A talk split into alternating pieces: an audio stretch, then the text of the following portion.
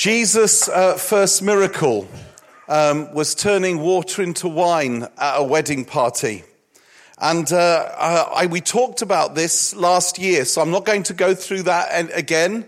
Uh, I just want to pick out one thing, one thing that I think is really important for those of us uh, who want to follow Jesus, uh, for those of us who want to see God move um, in, in ways that change people's lives. Uh, Jesus' mother said to Jesus, when the wine was gone, Jesus' mother said to him, They have no more wine. And then Jesus replies by saying this Woman, why do you involve me? Jesus replied, My hour has not yet come. Now, that was a sharp rebuke to his mother. And uh, we talked last year, I think, about why he said that. So when that's not the subject of tonight. Uh, but you would have expected Mary to reply, Don't talk like that to your mother, to Jesus. She doesn't say that. Instead, she says something else. And this is the title of what I want to say. Jesus' mother said to the servants, Do whatever he tells you. Do whatever he tells you. And that's what Mary says to us today. We don't have to be Catholic to hear these words from Mary. She says to us, Do whatever he tells you.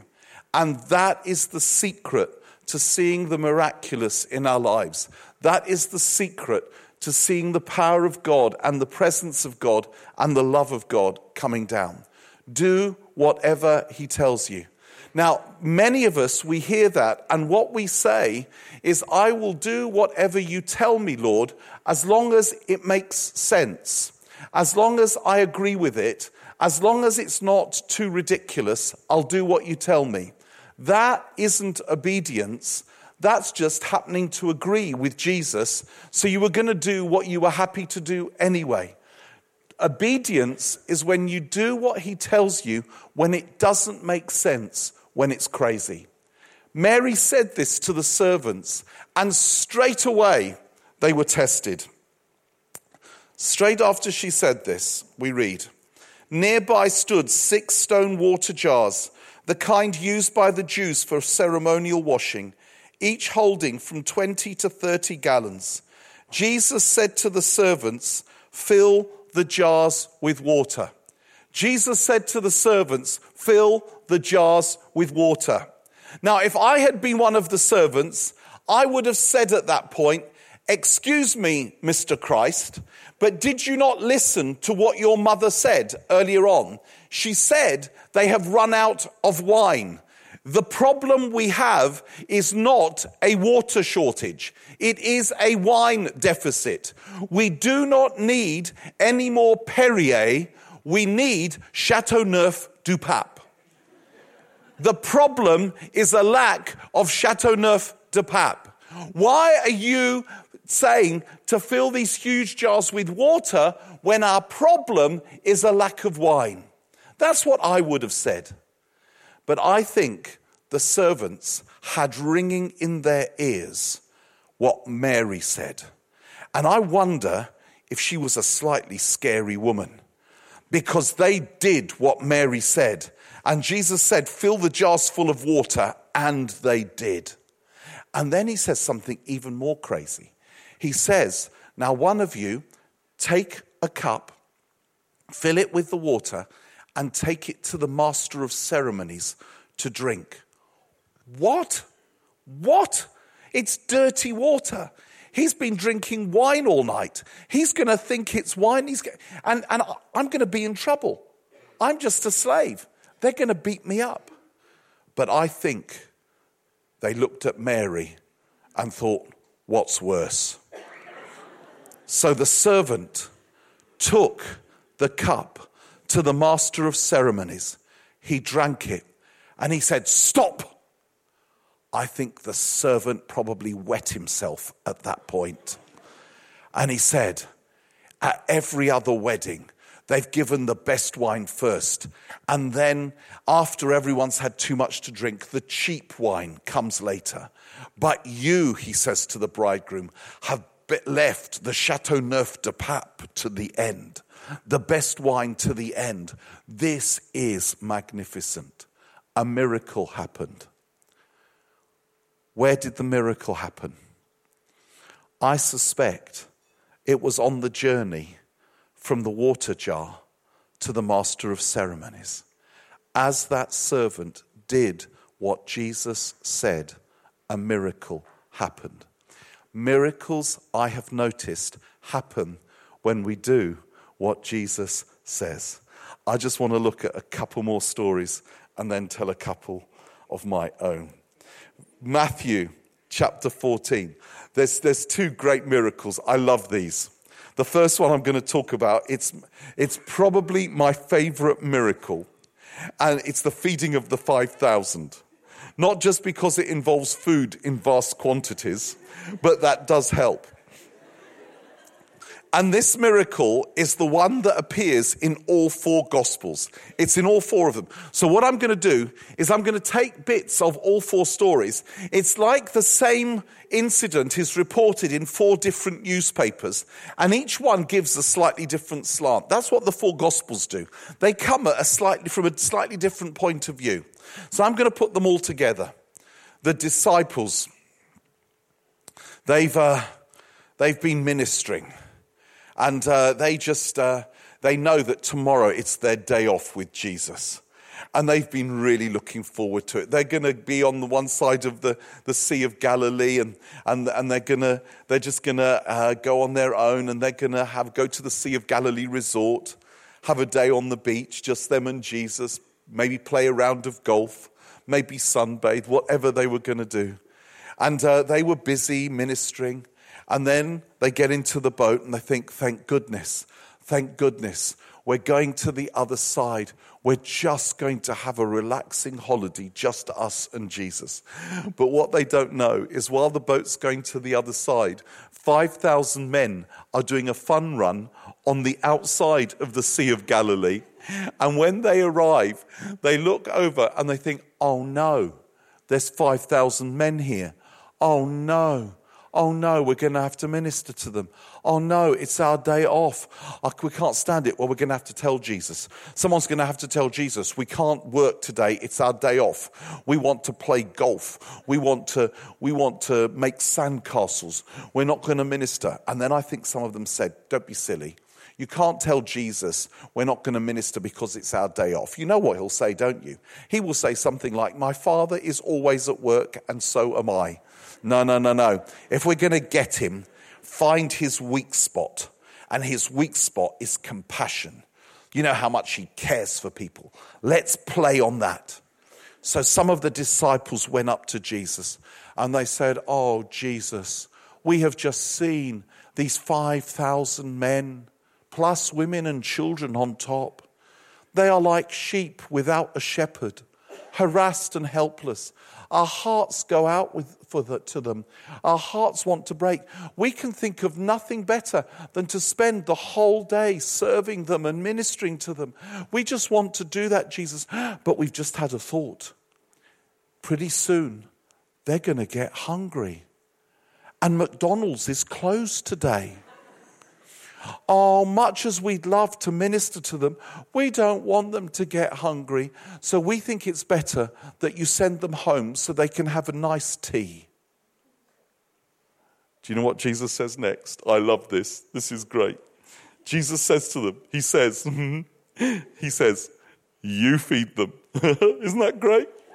And you know, the, the best bits of the Bible are the bits in brackets and this is what it says in brackets. I like this. He says, You feed them. And then it says in brackets, He said this to test them, for He already knew what He was going to do. He did, He did. He already knew what He was going to do. And can you imagine? They went back to the others. What, what did He say? He said, We've got to feed them. We've got to feed them. How are we going to feed them? Did you tell him McDonald's is closed? We told him McDonald's is closed. Nine months' wages wouldn't feed this lot, even if McDonald's was open. We know, we know. He said, We've got to feed them. Well, someone's got to tell him that we can't feed them. Well, I'm not telling him. I'm not telling him. Do you know what I think happened next?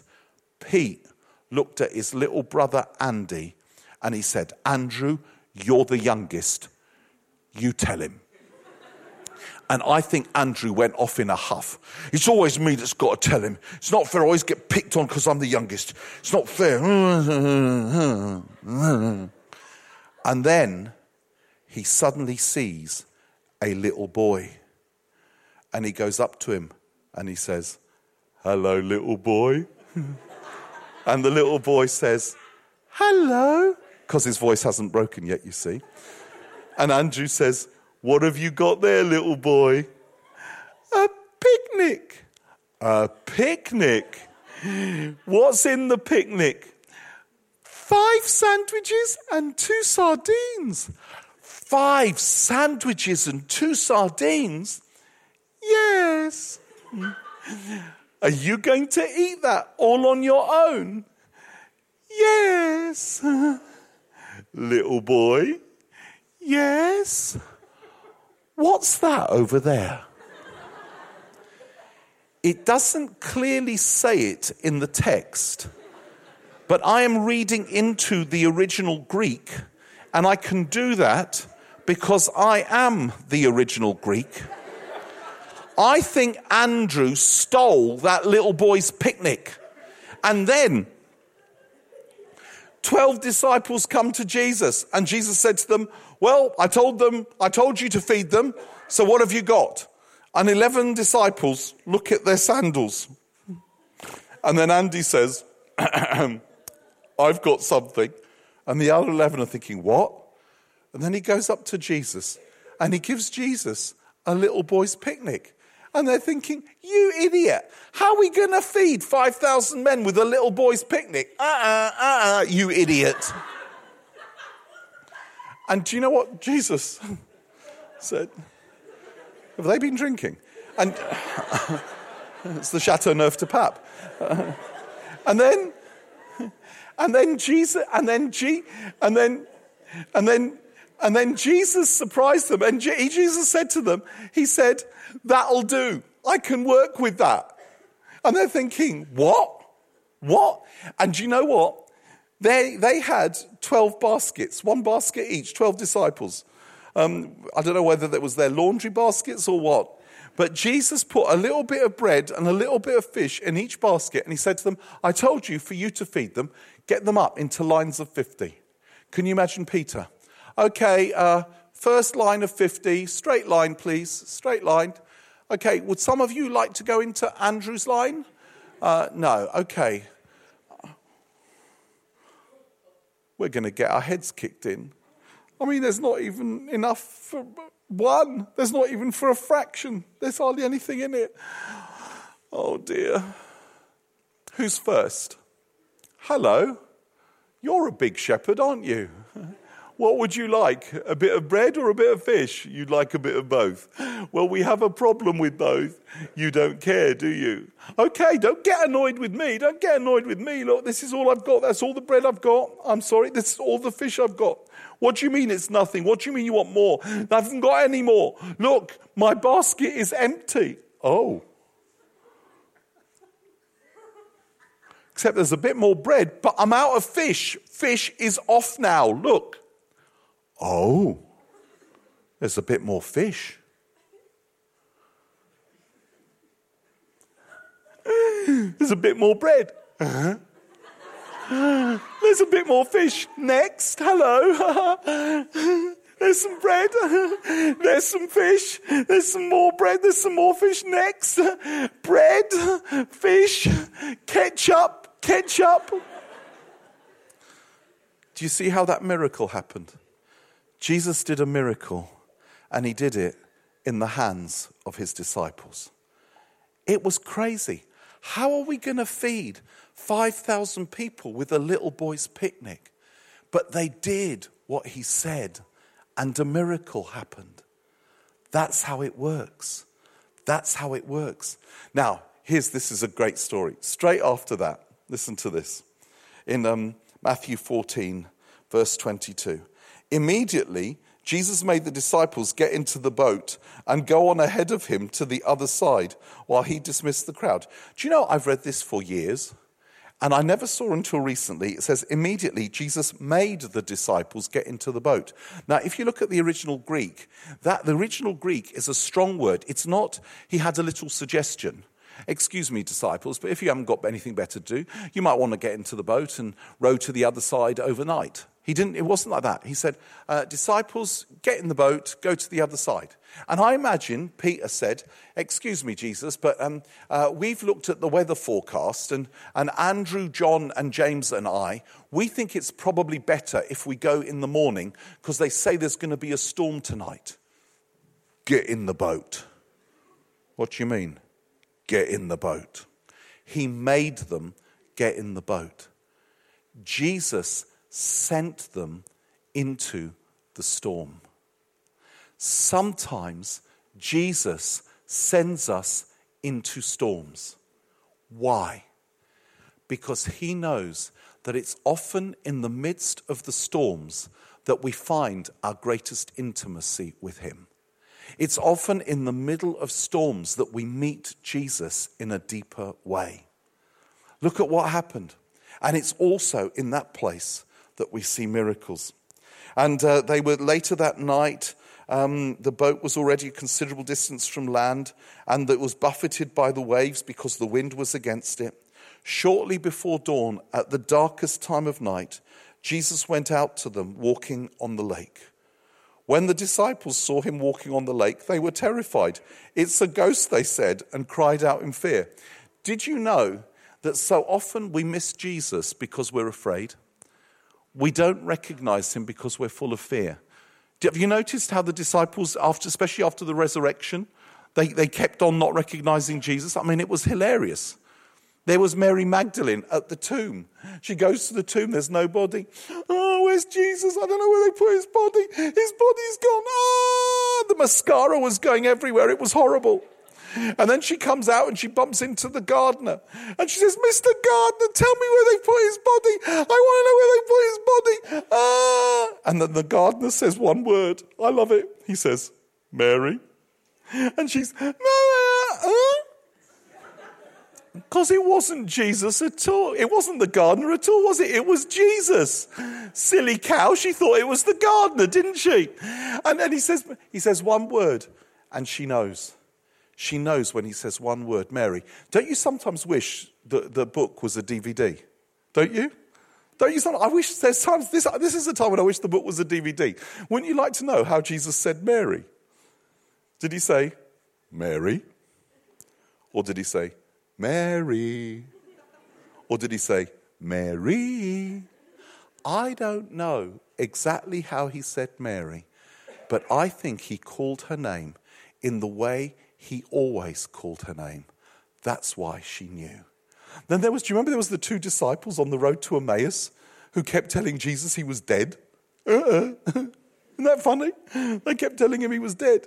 Then there was the disciples when they went fishing on the lake, and Jesus tells them to put their nets on the other side, and, and they're fed up and they catch all these fish, and it takes them ages to realize it's Jesus. So often, when we're disappointed and when we're afraid, we don't recognize Jesus when he comes to us. So, what does Jesus do? He speaks. But Jesus immediately said to them, Take courage, it is I. Don't be afraid. Take courage, it is I. Don't be afraid. That's why it's important we read the Bible, because that's the main way he speaks to us. We need to hear his voice. When we hear his voice, it, it builds faith. It says in the Bible, faith comes by hearing, and hearing by the word of God.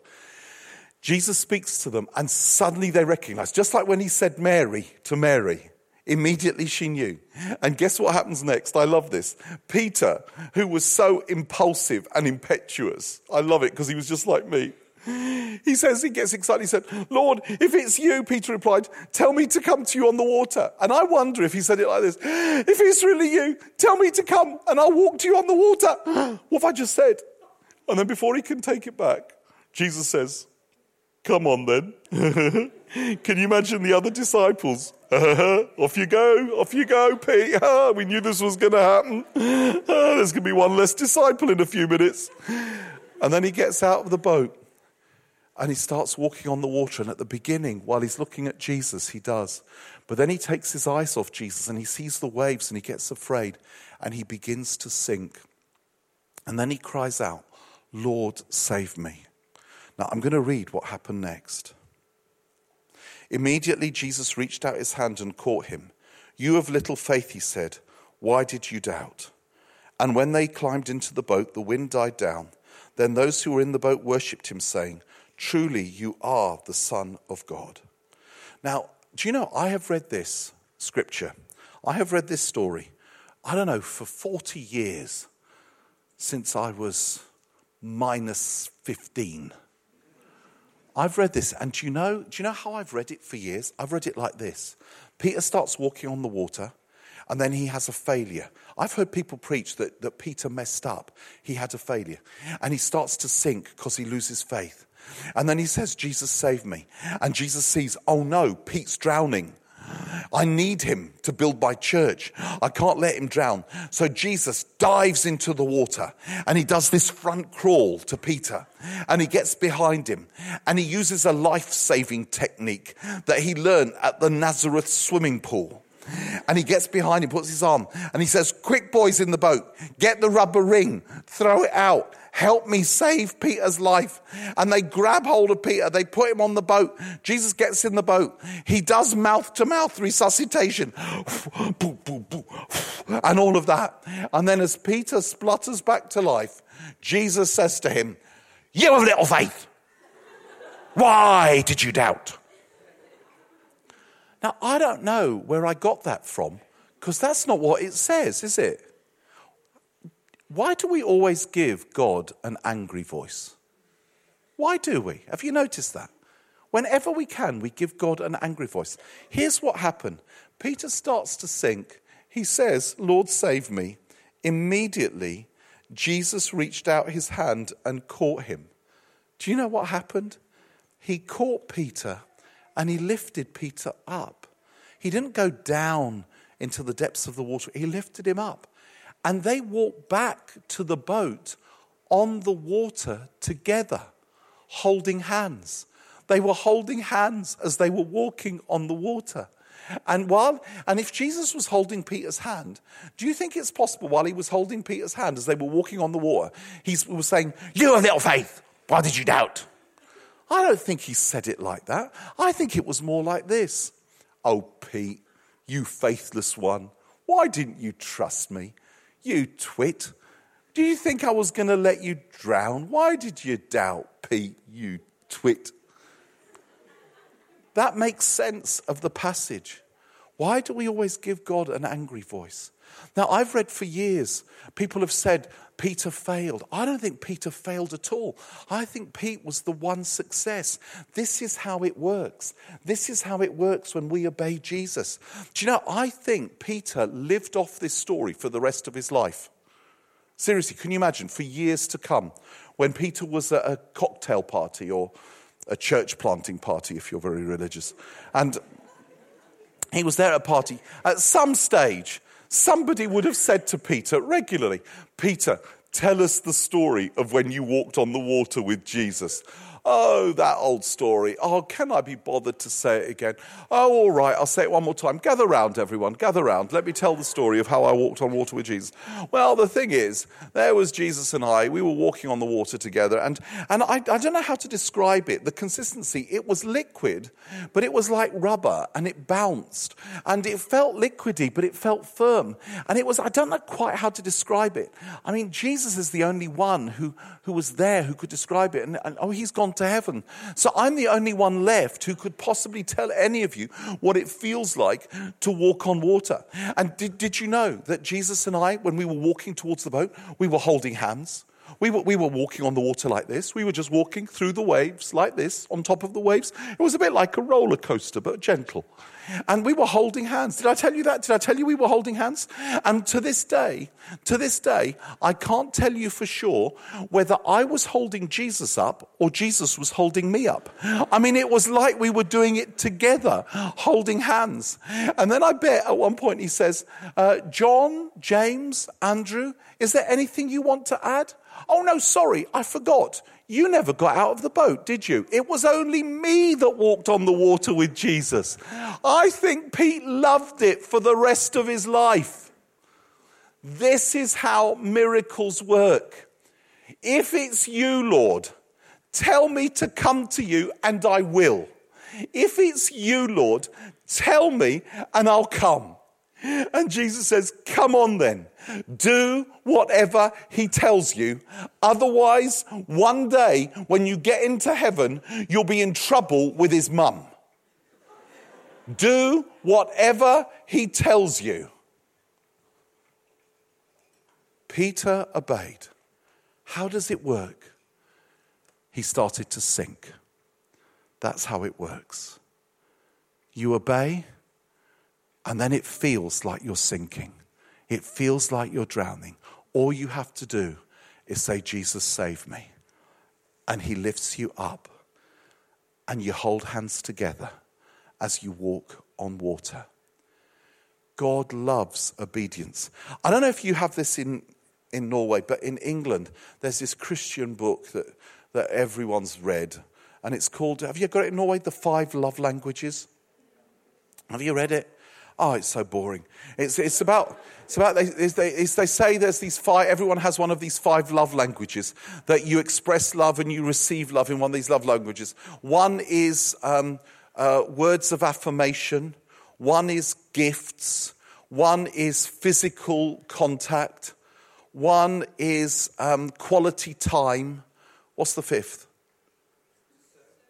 It's acts of service. So, quality time, acts of service. And everyone has one of those love languages. Well, you know, they've written that book, The Five Love Languages, and then they wrote, had to write another one, didn't they? The Five Love Languages for Married People. And then they had the Five Love Languages for Single People. And then I'm sure they had the Five Love Languages for Engaged People. And pretty soon they'll be bringing out the Five Love Languages for Left handed people, for blue eyed people. I mean, it's just a money making scam. It's, it's, it's what Christians do. And, and it was like the Five Languages. But when I heard about about this, and when I first read it, I panicked because I thought, oh no, oh no, none of them are mine. I must be the only one. I've got a sixth love language, and my love language is food.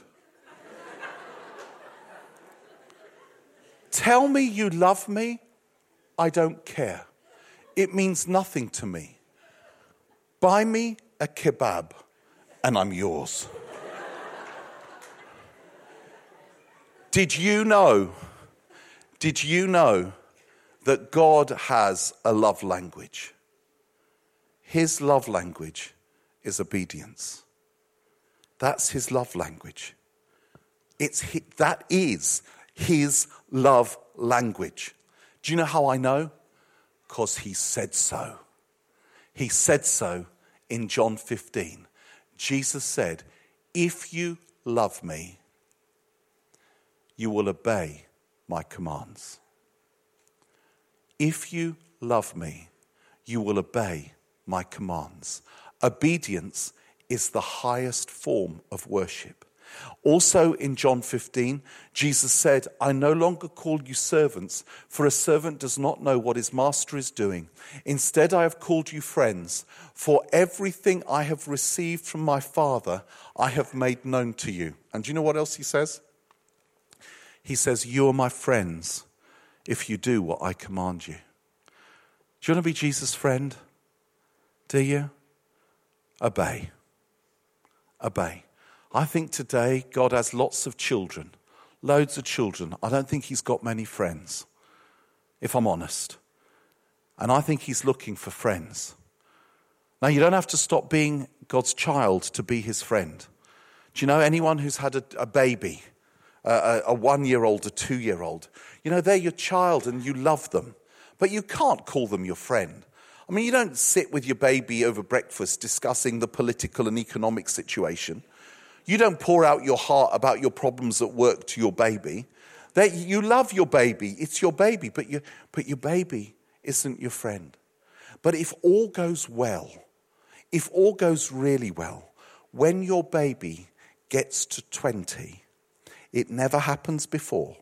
When they, your baby gets to 20, they never stop being your child, but something magical happens and they also become your friend. And I think God wants to say to his church, grow up. Grow up. I don't just want you to be my children. I want you to be my friends as well. Because do you know what he does with his friends? He tells them the family secrets. For everything, everything I have received from my Father, he said, I have made known to you. That's everything. There's the Father and I, because you're my friends, no secrets. That's a good deal. That's intimacy. That's intimacy. And for Peter, in the midst of the storm, in the middle of the storm, he found a greater intimacy with Jesus. Where did he hold hands with Jesus? In the middle of a storm. In the midst of the storm, a miracle happened. They walked on water. That's how it works. That's how it works. God's love language is obedience. And you know what? It becomes great fun. Why obedience? Because obedience is an act of faith and obedience is an act of love. We show God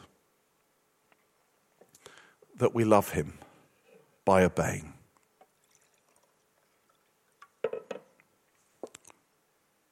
Turn into wine. Never works for me.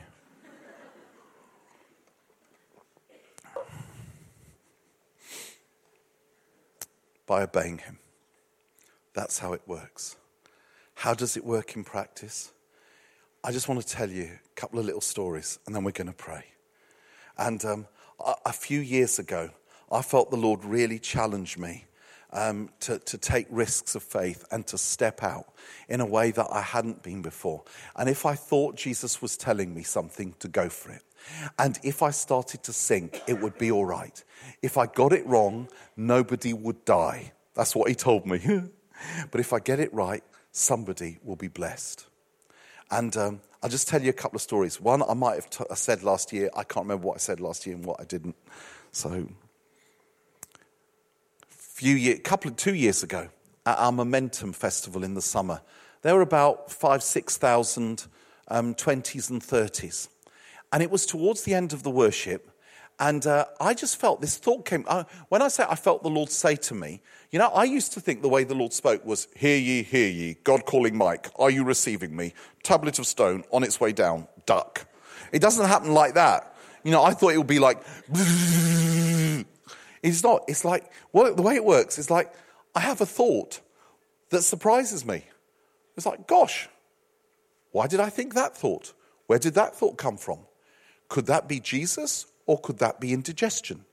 With me, often it's indigestion.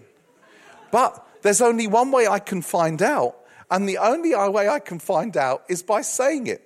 Because if I say it and it's Jesus, somebody gets blessed. If I say it and it's me, nobody dies. I just look a little bit silly. Well, I've looked silly most of my life. It doesn't faze me anymore. You can probably tell. I don't care.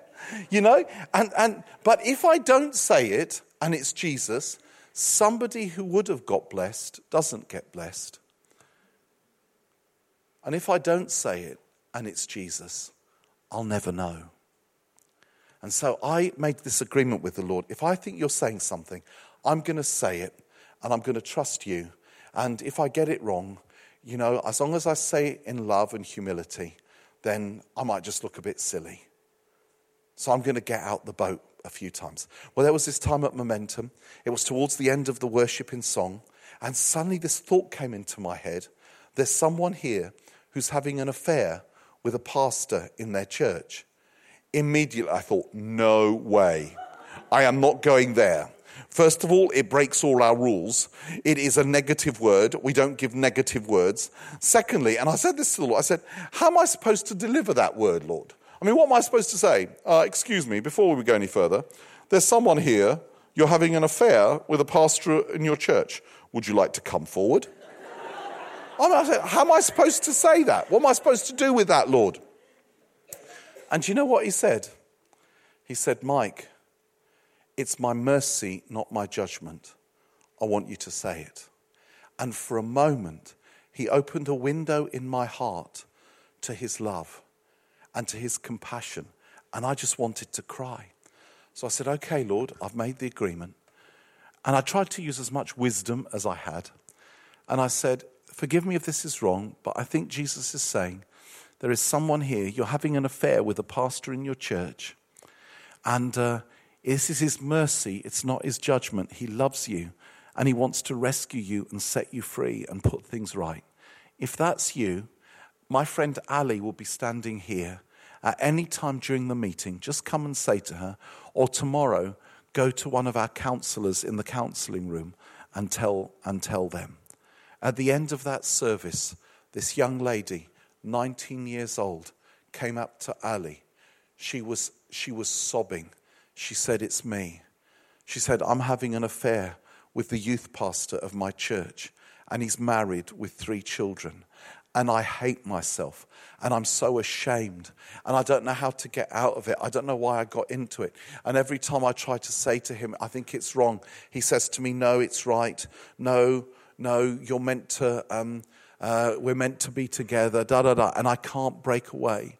And she said, I nearly didn't come to this momentum camp, to this festival, because I feel so guilty and I feel so ashamed. And then she said, As I was driving here, I said to God, God, I'm too ashamed to tell anyone about this.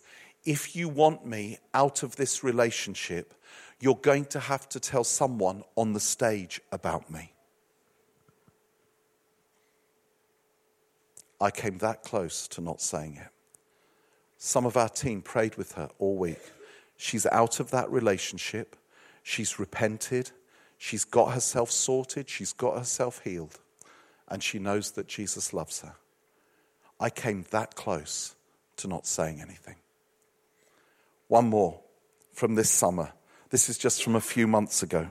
It was at Soul Survivor B. And can you believe it? It was the week that God TV, the Christian TV company, they were um, they were filming live in the evening meetings. And the previous evening, we saw 200 young people give their lives to Jesus. And we were rejoicing. It was wonderful. When you see so many coming to give their lives to Jesus, it's wonderful. And then the next night, I was going to speak on the gift of prophecy. That's what I was going to speak on. And as I got up at the end of the worship, I felt the Lord say to me, There's someone here called Sam. He's not a Christian. And he said to his friend this morning, if they invite people to come forward to give their lives to Jesus, I think I might go forward. And I was like, okay, we did an invitation for people to become Christians last night. Maybe at the end of my talk, I might say, if there's anyone here that you didn't become a Christian last night and you'd like to tonight, come forward. And by the way, there might be someone here called Sam, and you said to your friend this morning, blah, blah, blah. And then the Lord said, no, do it now. I'm like, what do you mean, do it now? I mean, do it now. Do what I tell you. And it was like, but Lord, what if I've got it wrong? What if there's no one called Sam? What if there is a Sam here and he doesn't want to walk up in front of 9,000 people? What if he doesn't go?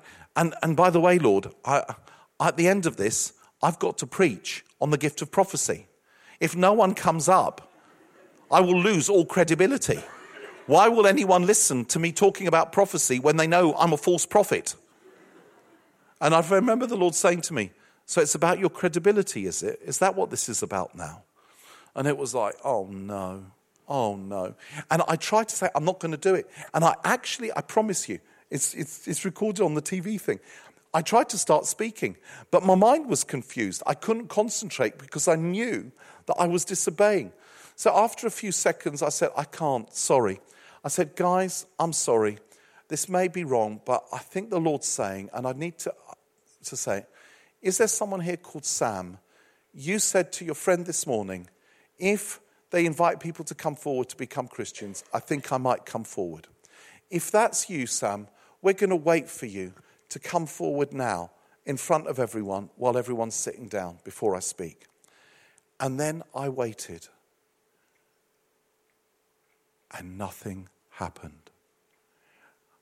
It felt like I waited for four and a half hours. They tell me it was two, three minutes, but it felt like forever, and no one moved. And I thought, I knew it, I knew it. No one's going to come forward. There's no Sam. You idiot. You got it wrong. And it's on live TV. They're seeing you make a fool of yourself all over the world. And then you're going to have to preach on prophecy. Well, I can't preach on prophecy now. What else can I preach on? I can't think. What else, what other talk have I ever done anywhere in the world that I could do? And then after a while, this kid got up and he started walking. And everyone around started clapping. And I thought, thank you, God. Thank you. Thank you. I'll do whatever you want. I'll do whatever you want now. I'll even go as a missionary to Sweden if you want. I'll do anything you want. And do you know what this kid did? He got up, he walked about 20 paces, and then he sat down again.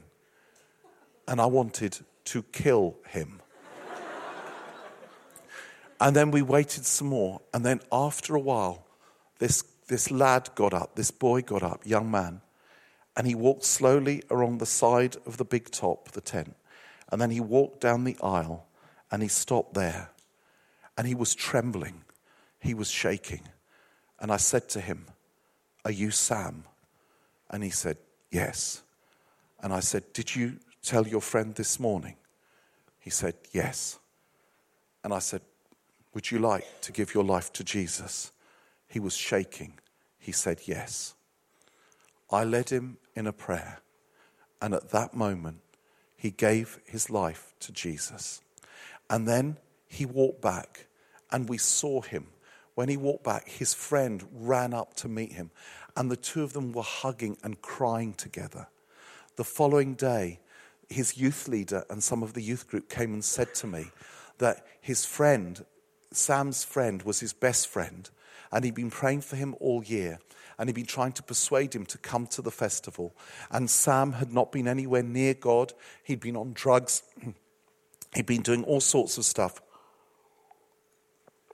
And then he decided to come to the festival. And that morning, something got to him. And he said to his friend, If they invite people to come forward, I think I might go forward. And you know, I was asking the question, but God, why, why do it so dramatically? Why stop a whole meeting in that place? Why, why did you want to do that? And then I quickly realized the answer. When Sam gave his life to Jesus and he said, Amen, do you know what happened? 9,000 people stood and clapped and cheered and gave Sam and Jesus a standing ovation. It was like it was like this huge party. And the Lord said to me, That's why. Because last night you were rejoicing because 200 people gave their lives to me. And I wanted to stop a meeting for one. And I wanted to say to you and everyone, I care for the one. I will stop a whole meeting for one person to meet with me because I love people one person at a time.